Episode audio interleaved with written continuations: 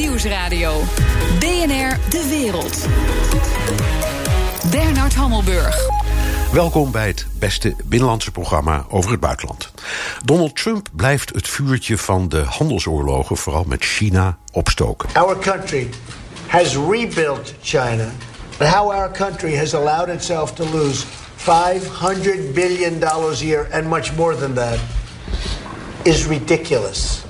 Is ridiculous. Is het echt een handelsoorlog? Hoe verloopt die? En wat betekent het voor de wereldeconomie en natuurlijk voor ons? Ik praat er hier in New York over met Bart van Ark, hoofdeconoom bij de Conference Board. Beroemd om de scherpe analyses en belangrijke indices zoals het consumentenvertrouwen. Dag meneer Van Ark. Dag meneer Hammelburg. Uh, we horen Amerika en China over en weer smijten met enorme extra invoerrechten. Is het verbaal wapengekletter of is het echt een handelsoorlog? Nou, het begint langzamerhand wel een beetje een handelsoorlog te worden. Uh, de tarieven uh, die nu geheven worden... Hè, we hebben ongeveer de helft van de Amerikaanse uh, handel...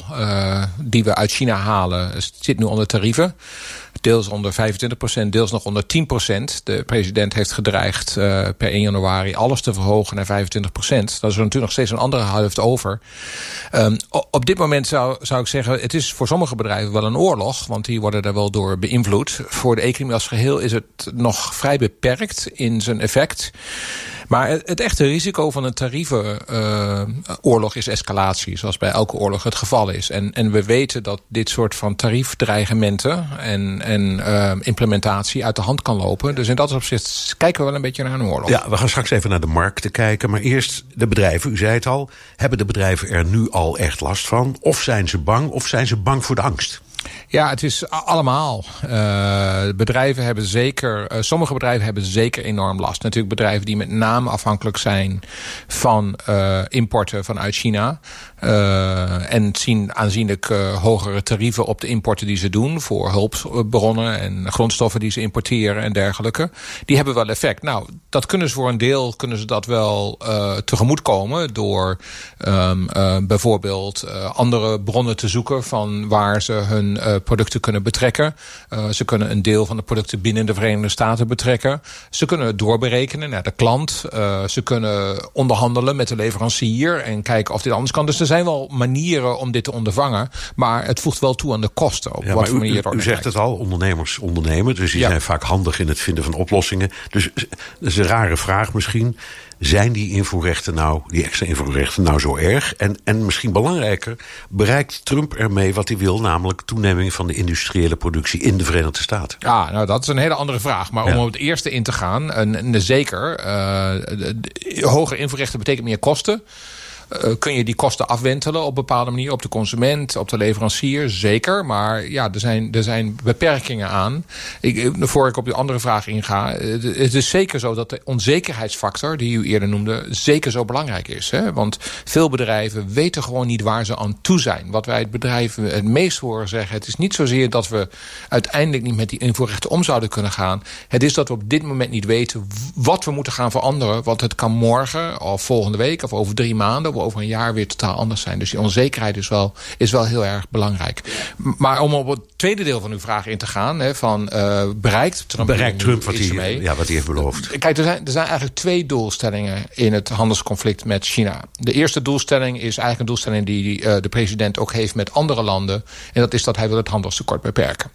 Dat handelstekort met, uh, de Verenigde Staten, met China sorry, is ver uit het hoogste.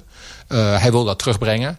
Uh, en dat kan natuurlijk maar in beperkte mate. Het interessante is dat op dit moment het handelstekort met China alleen maar toeneemt. Ondanks de tarieven. En dat komt omdat de Amerikaanse economie het zo goed doet. En daardoor importeren we meer dan we exporteren.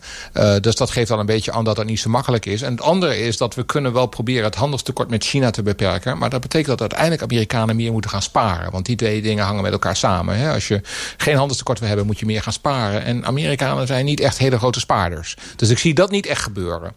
De andere, het andere deel van het verhaal is denk ik veel belangrijker. En dat is dat er uh, in toenemende mate ongerustheid is over de manier waarop China zich opstelt in de wereldeconomie. Zich probeert de technologische en economische leider van de wereldeconomie te maken, maar niet altijd op de juiste gronden. Hè. ze hebben uh, zijn lid geworden van de Wereldhandelsorganisatie in 2002. Maar hebben eigenlijk de regels sindsdien geregeld overtreden. En hebben ook niet laten zien dat ze het echt het spel volgens de regels spelen. In dat opzicht krijgt Amerika ook best veel steun van andere landen. Inclusief want, ook van want, Europese want, landen. Want ook al, al, al, die Europese landen bijvoorbeeld die, eh, die allerlei bezwaren hebben tegen Trump. Die zeggen op hier heb je een punt. Absoluut. En, en in zekere zin zijn ze blij dat... Uh, dat, dat, hij de kooltjes uit het vuur haalt. Dat, precies, dat hij de kooltjes uit het vuur houdt. Waar ze natuurlijk niet van houden is de manier waarop hij dat doet. Uh, dat is ook niet helemaal de normale manier van... de normale gang van zaken in dit soort internationale onderhandelingen. En daar maken ze zich ook wel weer een beetje ongerust over natuurlijk. Of dit allemaal wat goed komt ja, en inderdaad maar, niet maar gaat goed, dat, is een stijl, daar beginnen we ook aan te wennen trouwens. In sommige Even, momenten, ja. Ja, sommige... Um, de echte Amerikaanse economie. Dus de bedrijfsresultaten, de groeiverwachting, de feitelijke productie, het consumentenvertrouwen, de werkgelegenheid. Hoe gaat het daarmee?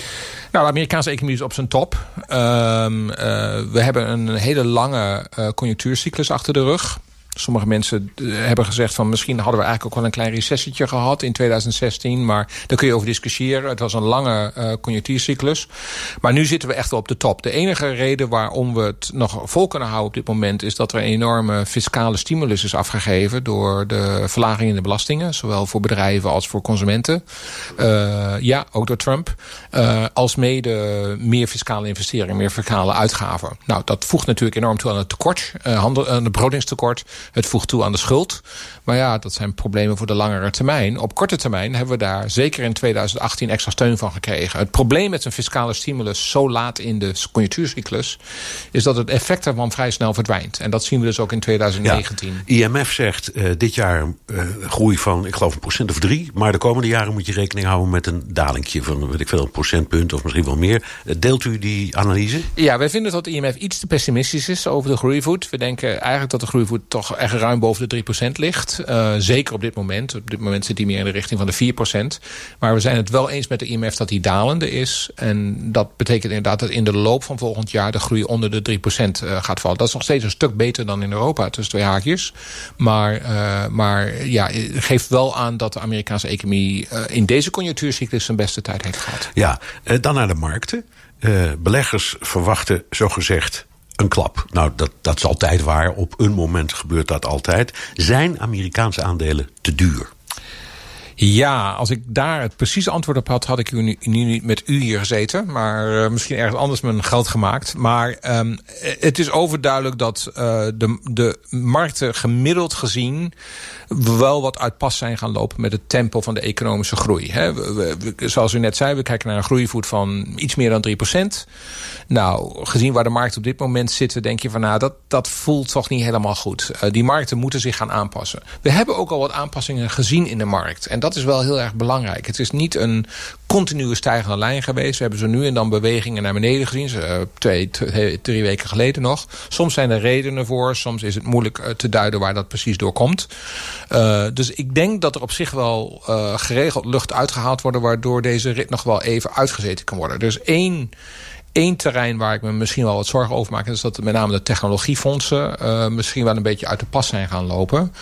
Want uh, ja, die waarderingen kun je alleen zo hoog houden... als je er zeker van bent dat die digitale economie ook inderdaad... op langer termijn, op middellange termijn gaat leiden... tot resultaten in stijgen van aanhoudende snellere groei.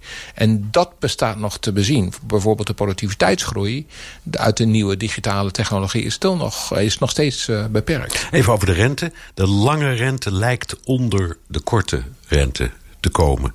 Dat noemen ze dan, geloof ik, een inverse yield curve. En dat wordt soms gezien als een opmaat naar een recessie. Ziet u dat gevaar?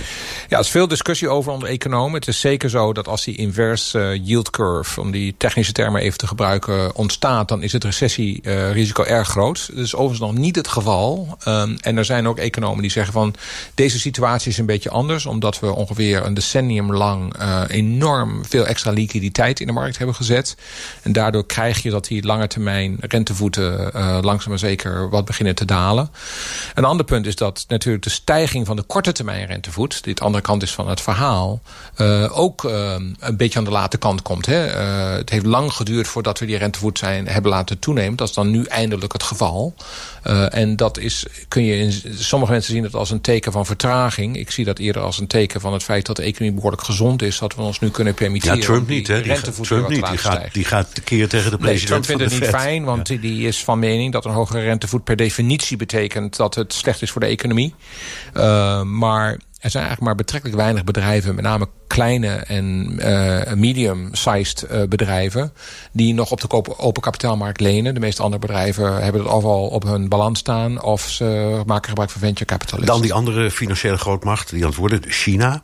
Uh, de economie daar de markt in afval was een beetje aan het instorten. Nu heeft de overheid ingegrepen om de koers een beetje te redden. Um, is dat genoeg? Vooral als je kijkt naar de enorme schuldenlast, bijvoorbeeld de vastgoedbubbel. En, en welke kant gaat het uit met die Chinese economie? Nou, kijk, de Chinese economie is altijd een pendulum tussen aan de ene kant proberen uh, de economie toch te transformeren van een economie die aangevoerd werd door investeren en exporten. Want dat is natuurlijk eigenlijk de afgelopen 20 jaar het geval geweest. Naar een economie die gedreven wordt door consumptie en door diensten. Dus dat is de transformatie die men in China graag wil zien. Maar aan de andere kant wil men ook zorgen dat die transformatie niet met te veel pijn gepaard gaat, waardoor de groei gaat dalen. Dus wat je telkens ziet is dat, uh, dat de regering aan de ene kant de economie stimuleert zodra ze zien dat het wat minder wordt. Dus als de huizenmarkt in de problemen komt... of als de consumenteninkomens beginnen af te nemen... dan geeft ze een stimulans aan de economie. Of ze proberen de investeringen wat op te voeren in de staatsbedrijven. En op het moment dat het dan weer wat beter gaat... dan proberen ze zich weer terug te trekken en geven ze een boodschap af... dat er toch echt hervormingen plaats moeten vinden in de economie. Dus dat is altijd een beetje een wisselend beeld. Dat is ook de reden waarom de, Chinese economie langzaam, maar zeker uh, in groeivoet daalt. Maar niet zo um, wisselend is als we in andere landen uh, wel gewend zijn. Het is ook zo tegelijkertijd natuurlijk dat uh, president Xi nu uh, ja, eigenlijk zijn termijn onbeperkt verlengd heeft. een beetje een sterke man gedrag heeft. Maar daar moeten we een beetje mee oppassen. Want in China ben je niet altijd een, niet voor eeuwig een sterke man. Het hangt er uiteindelijk wel vanaf of je de economie draaiende kunt houden. En u noemde al het punt van de schuldenlast. Die schuldenlast in Amerika, dat is nou meer dan 300 procent... als je van, van het bruto binnenlands product, als je alles meetelt. Dat is iets wat niet te handhaven is op lange termijn. Met name niet als die economie langzamer gaat groeien. Zo dadelijk. En wij dan? In Nederland en Europa met probleempjes zoals de brexit. BNR Nieuwsradio. BNR De Wereld. Mijn gast Bart van Ark, hoofdeconoom bij de Conference Board hier in New York. Theresa May vecht voor een in haar ogen fatsoenlijke brexit, wat dat ook mogen betekenen. We are entering the final stages of these negotiations. This is This is the time for cool, calm heads to prevail. And it's the time. De Brexit, meneer Van Ark. Wie weet hoe het afloopt, mag zijn vinger opsteken, zeg ik altijd. Maar hebt u berekeningen bij de verschillende modellen? Dus een harde brexit, een geleidelijke brexit... dus met een paar jaren spijt of zo. Hebt u daar modellen voor? Het is ontzettend lastig om dit te modelleren... in een normaal uh, economisch model. Omdat we hier met een aantal variabelen zitten... om die term maar te gebruiken... die heel moeilijk uh, te bepalen en te meten zijn. Hè? Dus we zitten met uh, de vraag in hoeverre de overeenkomst... die er over brexit zal komen of niet...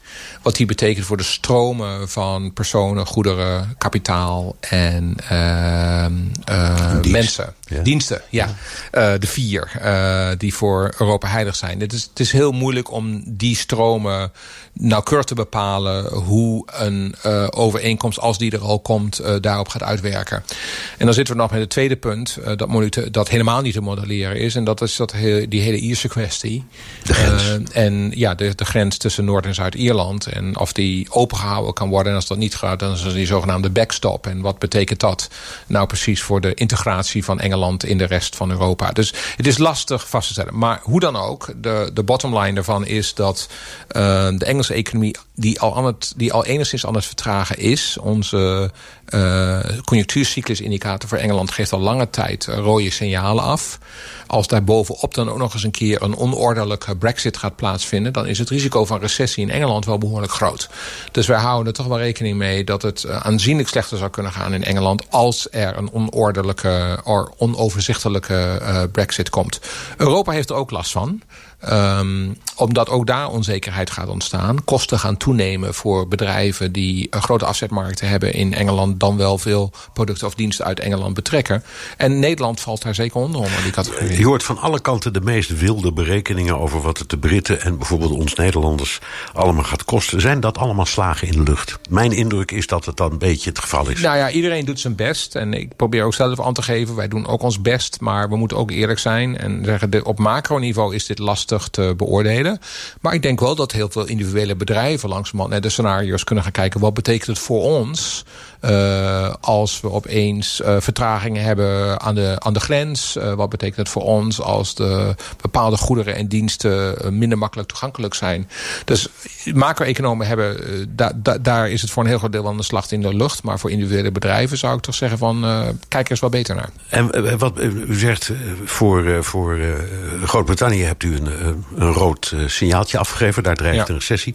Um, wat betekent het nou bijvoorbeeld uh, voor Nederland? Nou ja, je moet eerst kijken naar wat is de, de afhankelijkheid van Nederland ten opzichte van Groot-Brittannië. We zijn een hele grote handelspartner, zowel aan de export- als aan de importkant. We hebben een haven die erg afhankelijk daarvan is. Uh, dus als dit onordelijk wordt in die zin dat uh, de kosten van het handelsdrijven met Engeland gaan toenemen, dan krijgen we daar last van. Heeft dat nou, op, heeft dat nou een enorme impact op ons totale groei van het bruto binnenlands product? Wellicht niet. Wellicht maakt dat uiteindelijk niet zo ontzettend veel uit. Maar het is niet zo dat bedrijven zeg maar, hals over kop kunnen zeggen van nou, hè, we deden nu handel met Engeland, vanaf morgen gaan we het uh, met Duitsland doen of met Frankrijk. En daar krijgen we dezelfde producten al uh, uh, wel vandaan. Het heeft een beetje hetzelfde als het, de Precies. situatie over China waar we China het eerder en Amerika, hadden, ja. Is de onzekerheid. Ja. Als we niet weten wat we moeten doen, dan hebben bedrijven terecht en zeggen, dan laten we nog even wachten voordat we nou enorme kosten gaan maken om die supply chains te gaan veranderen. En, en hier ook weer dezelfde vraag. Wat maakt het eigenlijk uit? Want in het ergste geval komen er invoer dat, dat zal haast wel. Nou en? Um, ik denk aan uh, Air France KLM. Die koopt in Amerika Boeings. Daar betalen ze invoerrechten op. Um, als het ze niet bevalt, dan ga je, met de, ga je onderhandelen. Dan zegt de prijs moet een beetje omlaag. Of je doet als ondernemer iets anders. Dat geldt toch ook bijvoorbeeld voor Nederland uh, en Engeland? Ja, de situatie is daar natuurlijk heel anders dan met Engeland. Uh, dan met sorry, de Verenigde Staten en China. De Verenigde Staten en China is een risico van escalatie. Ja. En het is dat escalatie-idee dat mij zorgen baart. Dat is in, in de Europese, Britse situatie niet aan de orde. Ja, er zullen invoert, invoertarieven komen. En daar zullen bedrijven oplossingen voor moeten zeggen. Het wordt duurder.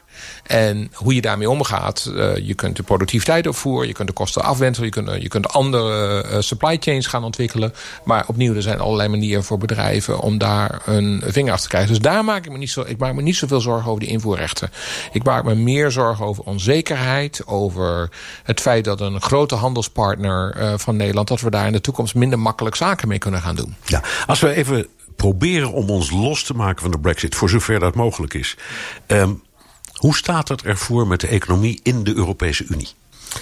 Nou, de, de economie in de Europese Unie is flink gegroeid in de afgelopen jaren. Dat is wel na twee forse recessies die we hebben gehad. Dus een hoop daarvan was herstel. Uh, we zijn nu ruim, we groeien nu uh, aanzienlijk sneller dan onze middellange termijn groei. Uh, economen noemen dat wel potentiële groei.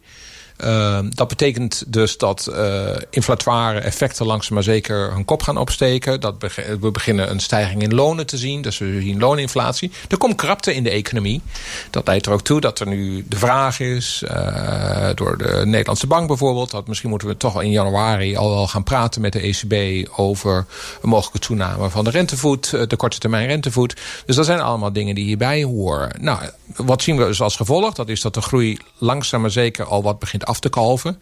Maar nog steeds ruimschoots boven dat potentiële groei. Uh, potentieel. Dat is waar Europa's wezenlijke probleem ligt. De potentiële groei in Europa is ongeveer de helft van wat het is in de Verenigde Staten. Omdat we trage productiviteitsgroei hebben. Omdat we minder mensen snel genoeg naar de arbeidsmarkt toe brengen. Omdat we niet voldoende investeren. Omdat we nog steeds een gefragmenteerde Europese economie hebben. Waar we veel meer uit zouden omdat kunnen Omdat we te veel, te veel topconferenties hebben en te weinig aanpak? nou, ja, ik weet niet of het alleen een kwestie van vergaderen is. Maar ja, natuurlijk, het hele het Europese model staat politiek gezien onder druk. Maar dat krijgt ook zijn economische consequenties. En, en, dus ik maak me niet zozeer zorgen in Europa over de korte termijn groei. Maar ik maak me ernstig zorgen over die middellange termijn groei. Waar we echt mee aan Kun je zeggen, Europa is te stroperig in alles? Ja, de, de, de beslismodellen zijn ingewikkeld en lastig. En, en nogmaals, deels is dat een politiek probleem. Ehm, je, je, zit met landen die een eigen autonomie en soevereiniteit hebben. Uh, maar uiteindelijk uh, zien we dat uh, China en de Verenigde Staten ons aan alle kanten voorbij streven. En een hoop daarvan heeft, als we het hebben over de technologiediscussie waar we het eerder over hebben. Als ik participeer in discussies over de, de toekomst van digitale technologie, dan wordt Europa bijna niet genoemd. Het gaat over China en over de Verenigde Staten. Dat is wel een zorgenpunt, want we zijn wel een van de grootste markten ter wereld. Bedrijven moeten die nieuwe digitale technologie incorporeren en, en gebruiken voor. De andere, de andere kant daarvan, China probeert heel hard om uh, een positie zich te verwerven in Europa met die nieuwe zijderoutes en op allerlei andere manieren. Uh, je kunt nu geloof ik als Europees bedrijf eindelijk ook meerderheidsbelangen verwerven in Chinese bedrijven. Er is heel veel kritiek op. Ziet u dat au fond als een goede ontwikkeling en kan China een positie innemen zoals bijvoorbeeld de Verenigde Staten in het verleden. Ja, Europa is natuurlijk opnieuw een heel gemixt verhaal. Hè? Uh, Europa als geheel is eigenlijk minder afhankelijk van China dan China afhankelijk is van Europa. En dan kijk ik niet alleen naar de exporten, maar naar zeg maar, de toegevoegde waarde in onze waardeketens, wat uit China komt en wat uit Europa komt. Dan is ons, onze onafhankelijkheid niet zo groot als de Chinezen van ons. Maar per land verschilt het enorm. Duitsland bijvoorbeeld is veel afhankelijk van China dan China afhankelijk is van Duitsland. Dus voor Duitsland is dit wel een, en voor Nederland is dat trouwens ook zo, is dat wel een groot vraagstuk. Want uh, ja, we kunnen wel Trump steunen in zijn idee om China over uh, om te krijgen, maar als dat conflict escaleert en als er uiteindelijk geen overeenkomst is... dan is de vraag wel wat een land als Duitsland of Nederland uiteindelijk gaat doen. Kiezen we dan eieren voor ons geld en zeggen we... ja, de Chinese relatie is toch zo belangrijk dat we die niet opofferen? Uh, of zijn we bereid om een prijs te betalen? Nou, op, opnieuw, dat is opnieuw een politieke keus uiteindelijk. Niet een Zeker. Ja. Uh, ten slotte Nederland. Het kabinet vindt dat het goed gaat met Nederland. Is dat juist? Um, nou ja, tussen de Europese landen uh, is, is Nederland zeker een van de landen die uh, er bovenuit steekt. Uh, het gebruikelijke verhaal in Nederland is altijd bekend. We zijn een kleine open economie. Als het goed gaat met de rest van de wereld, gaat het ook goed met Nederland. En dat zien we nu op dit moment ook. Uh, onze financiële huishouding is redelijk op orde. Zeker in vergelijking met een aantal zuidelijke landen uh, in Europa. Dus daar mogen we ook niet over klagen. Maar Nederland blijft erg afhankelijk van wat er in de rest van de wereld gebeurt. Nederland heeft een relatief lage productiviteitsgroei. Daar moet continu aan gewerkt worden. Dus ik zou niet achteroverleunen en denken van het komt allemaal nee, goed. Even, even nog heel kort, want we zijn eigenlijk door de tijd. Maar toch, uh, er is een beetje een discussie. Uh, om premier Rutte te parafraseren. Na al die problemen die we hebben gehad, moet je wat teruggeven aan de Nederlander. Uh, minister Hoekstra zegt: rustig aan, je moet ook denken aan reserves. En er kan een andere klap komen. Wie heeft gelijk? Allebei is waar, maar er is ook een ander gezegd. En dat zegt dat als het mooi weer is, moet je zorgen dat je je dak repareert. En we moeten dus eens even kijken wat er in dat dak eigenlijk allemaal lekt. Want dat betekent dat als de volgende crisis komt, dat we niet alleen ons hoeven terug te vallen op onze financiële reserves, maar ook een sterkere economie hebben die dat soort uitdagingen in de, in de wereldeconomie aan kan. Dank. Bart van Ark, hoofdeconoom bij de Conference Board. BNR Nieuwsradio. BNR De Wereld. Bernard Hammelburg. De Kroatische politie slaat met grof geweld in op migranten aan de grens. De migranten bestormen de grens tussen Bosnië en Kroatië om via dat land de EU binnen te komen. Langs de nieuwe vluchtroute over de Balkan lopen de spanningen op. Europa-verslaggever Jesse Pinster. Wat is er op dit moment aan de hand aan die grens? Ja, er zijn uh, zo'n 250 migranten die hebben gisteren de grenspost uh, bestormd. Een van de grensposten. Dan hebben ze een plek gekozen waar je nou ja, door 60 kilometer door Kroatië te gaan... daarna al in een uh, Schengenland zou komen, Slovenië. En ze zitten nu eigenlijk in een soort niemandsland... tussen de twee grensposten aan, met Bosnië aan de ene kant en Kroatië aan de andere kant. En ik sprak er gisteravond over met Peter van der Ouweraard. Hij is coördinator van, het, uh, van de Internationale Organisatie voor Migratie. Dus dat is een afdeling van de Verenigde Naties. En hij uh, coördineert het werk op de westelijke Balkan. Normaal gezien uh, gebruiken zij niet de officiële grensovergang, maar wel de, gaan ze door het veld of door de bossen of door de heuvels. maar deze keer proberen ze de officiële overgang te gebruiken. Er was valse informatie die circuleerde onder de migranten de laatste twee, drie dagen dat Kroatië de grenzen zou openen om migranten toe te laten. En ik denk dat dat hen gemotiveerd heeft om uh, de oversteek op deze manier te wagen. Ja, dus normaal uh, doen ze het gewoon op plekken waar geen grenspost te vinden is. Maar nu dachten ze dat de grens open zou gaan. Nou, het ging ook allemaal niet zonder geweld. In ieder geval twee Kroatische agenten zijn gewond geraakt bij de bestorming gisteren.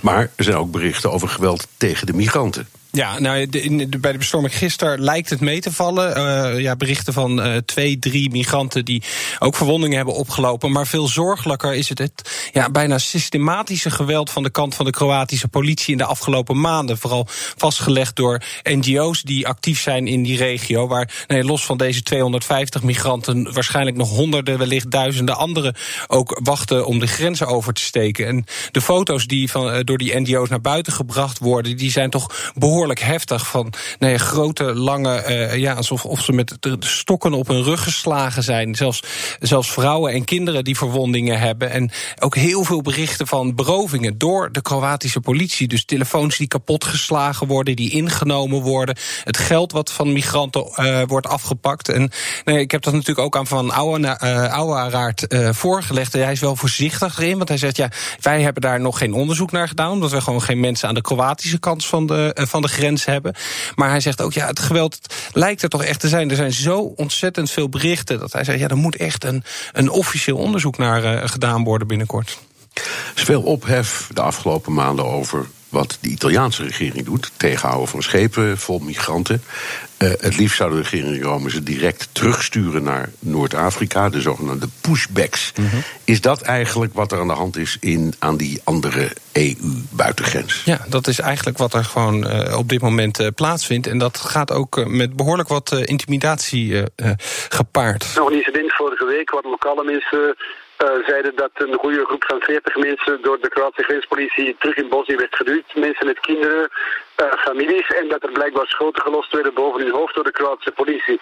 Ja, en uh, nou is er wel een, een, juridische uitweg om mensen ook echt terug te sturen. Dus als de Kroatische politie ze tegenkomt. Maar goed, daar zit een heel juridisch proces aan vast. En ja, daar lijken de Kroatische autoriteiten toch liever geen tijd voor te maken. Er iedere dag mensen die vertrekken, die zijn voor twee, drie dagen onderweg. Uh, en dan vertellen die ons als ze terugkomen dat ze uiteindelijk erin geslaagd worden in Kroatië te komen. Die worden dan terug, uh, teruggestuurd naar Bosnië-Herzegovina. Dat verloopt dan dikwijls buiten de juridische kaders die daarvoor bestaan. Maar dat gebeurt eigenlijk over de hele Western Balkans, als ik het zo mag zeggen. Ja, dus volgens deze VN-medewerker is er eigenlijk gebeurt dit over de hele Balkan. In het geval van Kroatië lijkt het er toch op dat er hun veel aan gelegen is om niet het volgende ja, doorvoerland, om het zo te formuleren, te worden van migranten. En daar kan ik me ook uh, iets bij indenken dat ze nou ja, toch een beetje willen laten zien dat ze die, die grenzen dicht kunnen houden. Maar ja, als echt zo'n onderzoek naar dat geweld daar gaat plaatsvinden, dan zou dat snel kunnen veranderen. En zijn die schermutselingen aan de grens nou een teken dat de nieuwe Balkanroute migranten door Bosnië leidt. Ja, ik zou dat wel willen zeggen. En dan hebben we het niet over de, uh, de grote aantallen die over de Balkan kwamen in 2015. Dat is nee, met de Turkije-deal en ook het sluiten van de grens uh, van Hongarije is dat toch wel echt veranderd. Bosnië was nooit een land waar ze voor kozen. Ook omdat het is, het is heel bergachtig. Dus het zijn nogal wat obstakels die je moet nemen om daar doorheen te komen. Dus in 2017 werden er, en dan heb je het alleen over de migranten die geregistreerd werden in, uh, in Bosnië. Ja, dat waren er 700. En inmiddels, en 2018 is nog niet eens afgelopen, gaat het om meer dan 20.000 migranten die via Bosnië proberen uh, de, de, de rest van Europa te bereiken. De perceptie van de migranten is dat de route eigenlijk open is. Als je kijkt naar de getallen, uh, 20.000 mensen die gearriveerd zijn, nog 4.000 mensen in het land. Dat betekent dat 16.000 mensen met succes de oversteek gemaakt hebben naar Kroatië en verder. Dus vanuit het migrantenstandpunt is het een route die hen meer kansen biedt om naar andere gedeelten van Europa te komen. Ja, en hij verwacht dus ook dat dat uh, alleen maar zal, zal toenemen. En dat zien ze ook uh, gedurende dit jaar, dat de aantallen aan het groeien zijn. En ja, als ik dan even terugdenk aan de afgelopen drie Europese toppen waar ik bij aanwezig ben geweest, waar Europese regeringsleiders zich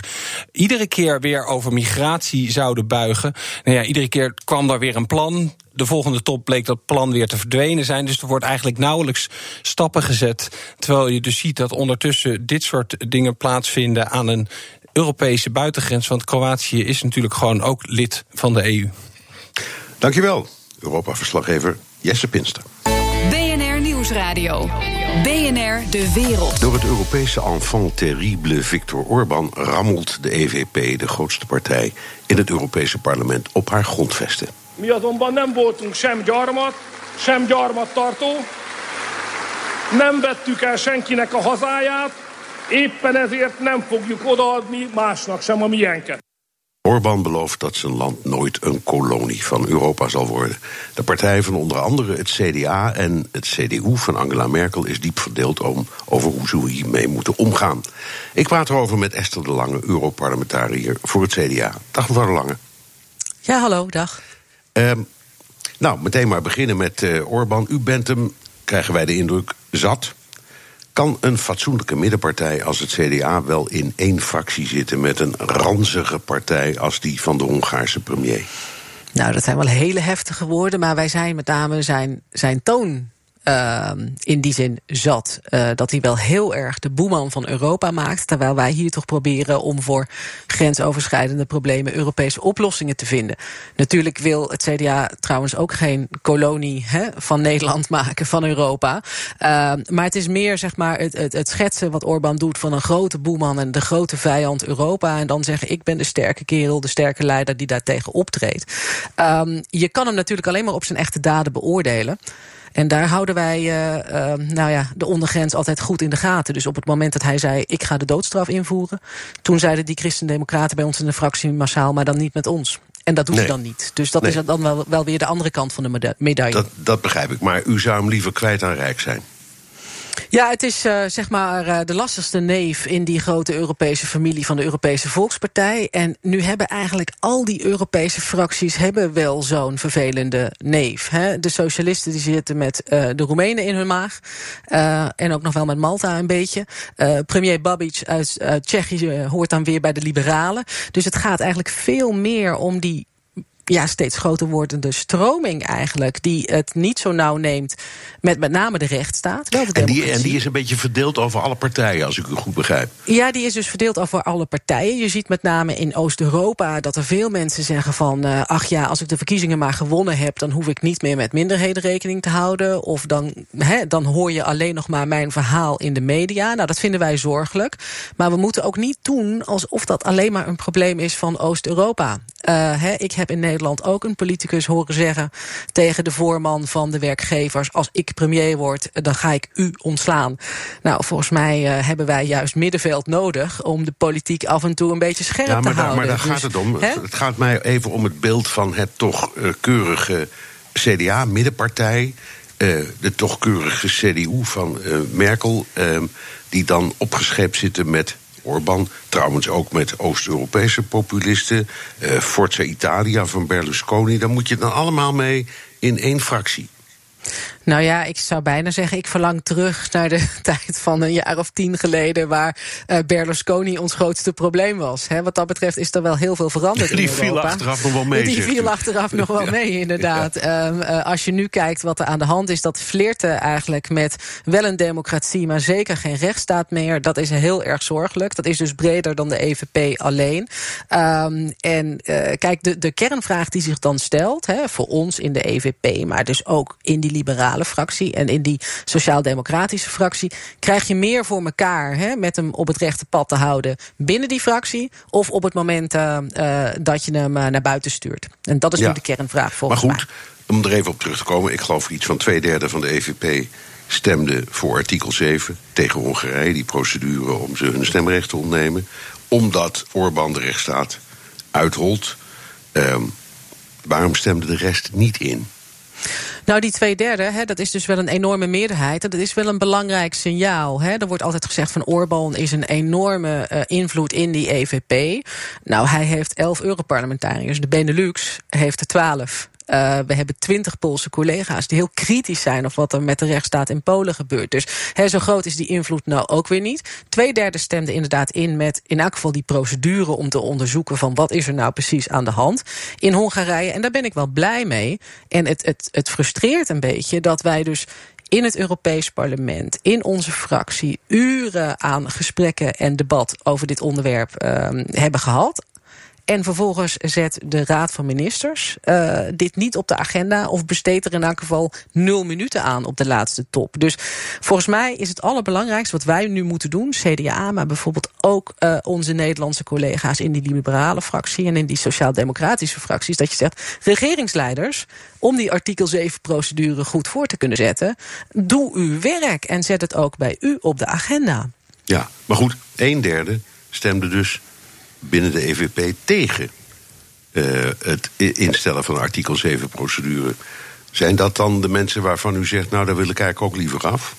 Ja, dan krijg je weer uh, inderdaad zo'n discussie over mensen... terwijl ik gewoon kijk naar hoe gedragen ze zich. Nou ja, ik heb een voorbeeld ja. gegeven van die doodstraf inderdaad. Op het moment dat je dat gaat lopen roepen... dan is er geen plek in de EVP. Um, je zag het niet alleen bij ons. Hè, de Britse conservatieven, dat was ook een hele rare stemming... Uh, die toch normaal gesproken heel erg voor de rule of law zijn. Uh, die stemden ook mee eigenlijk met, met de tegenstanders... van die artikel 7-procedure. Dus voor sommigen was het een stem omdat ze dachten dachten... misschien gaan wij die Hongaren nog wel eens nodig hebben... in de toekomst in de Raad, op een ander onderwerp. En voor anderen uh, misschien omdat ze stiekem uh, toch ook wel... Uh, de gedachtegang kunnen waarderen... maar het nog niet zo hardop durven zeggen. Nee, dat is waarschijnlijk het laagste punt. Zo dadelijk is Viktor Orban de grote ster... in de komende Europese verkiezingen. BNR Nieuwsradio. BNR De Wereld. Mijn gast Esther de Lange, Europarlementariër voor het CDA. In de aanloop naar de Europese verkiezingen dreigt het politieke landschap in Europa drastisch te veranderen. I nemici dell'Europa sono coloro che sono asserragliati nel bunker di Bruxelles. Volgens Matteo Salvini van La Lega zit de vijand van het Europese volk in de Brusselse bunker. Samen met zijn maatje Orbán wil hij die bunker openbreken. Wat betekent dat voor de gevestigde partijen? Mevrouw De Lange, weigert uw partij om Orbán eruit te gooien of zijn partij omdat dat gewoon een stemmenmagneet is voor de EVP? Nee, dat denk ik niet. Want uh, zij hebben op het ogenblik elf Europarlementariërs. Uh, wij hebben er eens Benelux. Hè, en in, in, dit soort dingen trekken wij dan altijd samen op. Hebben er twaalf. Ja, dat zei u net ook. Maar het, 20, maar het kan dus best dus zijn dat, dat, iemand do, door, door de deelneming van hem of zijn partij... wel naar het EVP toekomt. Dus dat het, dat het uh, aantrekkelijk is voor de kiezer om toch voor die kant te gaan. Niet, niet nou, specifiek ik, op hunzelf. Ik zie nou meer dat juist jonge leiders als Sebastiaan Koerts... Hè, die pro-Europees is, maar wel scherp dat migratiedebat voert... Uh, dat die eerder zeg maar, de spotlight krijgt uh, in dit soort debatten dan, uh, dan Viktor Orban. En gelukkig maar. Um, dus, Want kijk, waarom, waarom gelukkig maar? Omdat hij... Nou ja, omdat hij wel constructief is en niet in elk geval keer op keer op keer... zeg maar, de grote boeman schildert inderdaad in die bunker. Ik ben zelf ook niet van de Brusselse bubbel. Wij moeten gewoon uh, in Nederland op pad zijn en, en, en, en met mensen bezig en in gesprek. Uh, maar elke keer weer dat vijandbeeld schetsen van dat grote boze Brussel. En ik treed daarover op. Ik denk dat je daar de grote problemen waar mensen mee te maken hebben, hè, of het nou de economie is, of, of, of, of uh, klimaat of veiligheid, dat je die met dat soort one-liners in elk geval niet oplost. Nee, nee, maar de vraag was heel simpel. Is hij een stemmentrekker? Nee, ik denk het niet. En ik merk er heel erg weinig van. Uh, en niet alleen in, in mijn eigen land Nederland, maar ook in de andere landen waar ik, uh, waar ik kom. Daar kijken ze dus, zoals ik zei, meer naar um, uh, een jonge leider als Sebastian Kurz of onze twee spitsenkandidaten. Eentje uit Finland, eentje uit Duitsland. Allemaal van de nieuwe generatie. Ja, dus dat stemt ook wel weer hoopvol. Gaan we direct apart even over praten, want dat, dat, uh, dat rare begrip, spitsenkandidaat. Ja, maar goed. Sorry, um, um, even, even, uh, maar gewoon recht voor zijn raap. Wilt wilt u niet gewoon de grootste partij blijven in het Europarlement? En doet u daarom voortdurend concessies, zoals het accepteren van een partij van Orbán of uh, andere uh, dubieuze partijen uit Oost-Europa, uit Italië, ga zo maar door? Nee, uh, de kwaliteit gaat voor de kwantiteit. En de inhoud uh, staat bovenaan. En het is niet voor niks dat ook Manfred Weber, onze fractieleider, heeft gezegd... er zijn een aantal rode lijnen, zoals die doodstraf... dat voorbeeld uit het verleden wat ik noemde... He, waar, die, die niet overschreden moeten worden... door welke partij die lid is van de, uh, van de Europese Volkspartij dan ook. Ik verwacht, um, zeg ik nu even als vicevoorzitter van die EVP... dat wij op ons congres over een paar weken in Helsinki... ook opnieuw een resolutie gaan voorleggen aan alle leden waar die rode lijnen, die basiswaarden, nog een keer uh, in staan. Dus wij houden die ondergrens altijd heel erg goed in de gaten. En uh, ja, daarboven ja. is het een breed huis met okay, verschillende smaakjes. E-, even daarop door. Wat u zegt, daar leggen we die grenzen duidelijk vast. Wat. wat Denkt u dan aan partijen die deelnemen aan de EVP uit verschillende landen? Waar zitten de gevarenzones? Wat zit nou onder die lijn? Ziet u? Nou, ik, heb, ik, ik heb het voorbeeld al gegeven over de doodstraf destijds. Ja, maar goed, maar dat, is dan, dat, is dan, dat is dan van de baan, zullen we maar zeggen. Ja. Precies, dat is van de baan. Uh, hè, en zo zijn er nog een, aantal, uh, nog een aantal andere onderwerpen. Er is een discussie gaande, maar die is nu in die artikel 7-procedure ondergebracht. Over hè, uh, die wet die zegt dat iedereen die niet alleen illegaal verblijft in Hongarije... maar ook die vluchtelingen helpt, eigenlijk potentieel strafbaar is. is dat nog verenigbaar met Europese waarden? Nou, gelukkig loopt daar die artikel 7-procedure uh, over. En als daar de conclusie is in die procedure van dat is niet verenigbaar, dan is dat ook zo'n voorbeeld. Dus he, uh, dat zijn met name de scherpste dingen die nu op het moment, op het moment spelen. Ja, we hebben het nu over u en, en u, bent zegt u, in de EVP vicevoorzitter. maar in Roemenië zit een Orban Light die bij de socialisten hoort, bijvoorbeeld, of denk aan Kaczynski in Polen. Begrijpt u waar die trend in Oost-Europa vandaan komt? Nou, het hangt ervan af wat je met die trend bedoelt. Want er zitten verschillende trends onder, denk ik. Hè? Allereerst een beetje het flirten met een sterke leider. En het dus echt eigenlijk buitenspel zetten van een aantal basiswaarden uh, die we altijd hoog gehouden hebben in Europa. Zoals ook het respect voor uh, mensen die geen meerderheid hebben gehaald bij de laatste verkiezingen. Of uh, respect voor um, de rechtsstaat. en daarnaast is er natuurlijk het verhaal, de teleurstelling over het huidige Europa. En dus het anti-Europa gevoel. Dat loopt door elkaar heen, maar dat zijn twee verschillende dingen. En laat ik bij dat tweede beginnen. Wat je heel erg merkt en wat ik begrijpelijk vind, is dat mensen zeggen: wij zien dat dat Europa heel veel goeds heeft opgeleverd voor die jongens en meisjes die inderdaad met een Erasmusbeurs, omdat ze op een universiteit zitten, in het buitenland zijn geweest. Maar wat heeft het voor de MBO'er opgeleverd? Uh, hè, wel voor de grote transportonderneming. Wat heeft het opgeleverd voor de vrachtwagenchauffeur? Dus dat is de kernopdracht voor Europa. Niet alleen voor dat topje van de ijsberg te zijn, maar voor iedereen. Als het gaat om nou ja, en wat, en, en, en, en wat doe je met het, met het gevoel in veel landen dat we worden overstroomd, zal ik maar zeggen, met mensen uit andere lidstaten? Uh, en uh, dat, dat, dat merk je overal in de Unie toch wel echt. Ja, dat is dus eigenlijk de dubbele discussie over migratie. Hè? Dus, dus, dus het, het vrij verkeer van personen binnen de Europese Unie. En gewoon Nederlandse Polen die bij ons komen werken. Trouwens, ik, ik zou het ze niet gunnen in het Westland bijvoorbeeld dat ze er niet waren. Want er kwam geen komkommer meer in een, uh, in een kratje. Um, dus we hebben ze ook wel weer nodig. En daarnaast de discussie over uh, migratie van buiten de Europese Unie. En ik denk dat met name uh, migratie naast veiligheid en misschien ook wel klimaat. toch de drie grote thema's thema's gaan worden voor de Europese verkiezingen. En mijn grote boosheid richting de one-liners van uh, mensen als Salvini is dat ze wel heel gemakkelijk zeggen: dit bootje komt er bij ons niet in. Maar je hoort ze nooit over een daadwerkelijke oplossing als het om beleid gaat. En die hebben wij wel. Ja. Uh, nieuwe partij, En Marche, van de Franse president Macron. Die, die, die zit nog nergens, die zoekt een huis. Iedereen flirt met ze, de liberalen flirt met ze. Uh, flirt u ook met ze? Zou u ze best binnen willen halen bij de EVP? Nou, ik heb hem een paar keer gesproken. En op een aantal onderwerpen uh, denk ik dat Macron best goed bezig is. Uh, het is een van de eerste presidenten die ik gewoon hoor zeggen: wij moeten eerst zelf thuis hervormen. Economisch gezien. Hè, voordat we allerlei dingen van Europa gaan willen. Dat vind ik al heel wat. Aan de andere kant merk je toch dat zijn minister van Financiën wel heel erg hard holt als het gaat om extra grote budgetten voor de landen die lid zijn van de eurozone en zo. En daarvan zeggen wij, ho, dat is misschien niet zo verstandig. Um, dus ik vind hem op, op, op terreinen heel erg goed. Wat je wel merkt, is dat hij heel erg bezig is om te zeggen: ik ben de anti-Salvini en ik ben de anti-Orban. Een beetje die tweestrijd. En uiteindelijk zul je hier toch een meerderheid moeten vinden uh, tussen alle constructieve uh, partijen om de komende vijf jaar iets gedaan te krijgen. Ja, maar goed, denkt u dat uh, uiteindelijk bij de liberalen aanschuift? Nou, daar gaan eigenlijk twee, twee verhalen over. De ene is van uh, misschien gaat dat wel al voor de verkiezingen gebeuren. En het andere verhaal is, uh, nu even van achter de schermen uit de school geklapt. Uh, er is bij de, bij de liberalen geen ruimte voor twee grote ego's. Dus Macron en Verhofstadt, dat gaat nooit lukken op één bootje. Nee, maar Macron zal niet zelf in dat parlement worden. gaan zitten. Nee, maar toch, hè, die zal daar wel een hele dikke vinger in de pap willen hebben. op het moment dat zijn partij potentieel bij de liberalen zou gaan zitten. Dan wil hij meepraten over de postjes die strakjes naar de liberalen gaan, uh, et cetera. Het is trouwens nog maar de vraag of het ook zo'n grote vis is om binnen te halen, Macron. Want hij heeft natuurlijk thuis in Frankrijk op het moment de, de nodige problemen.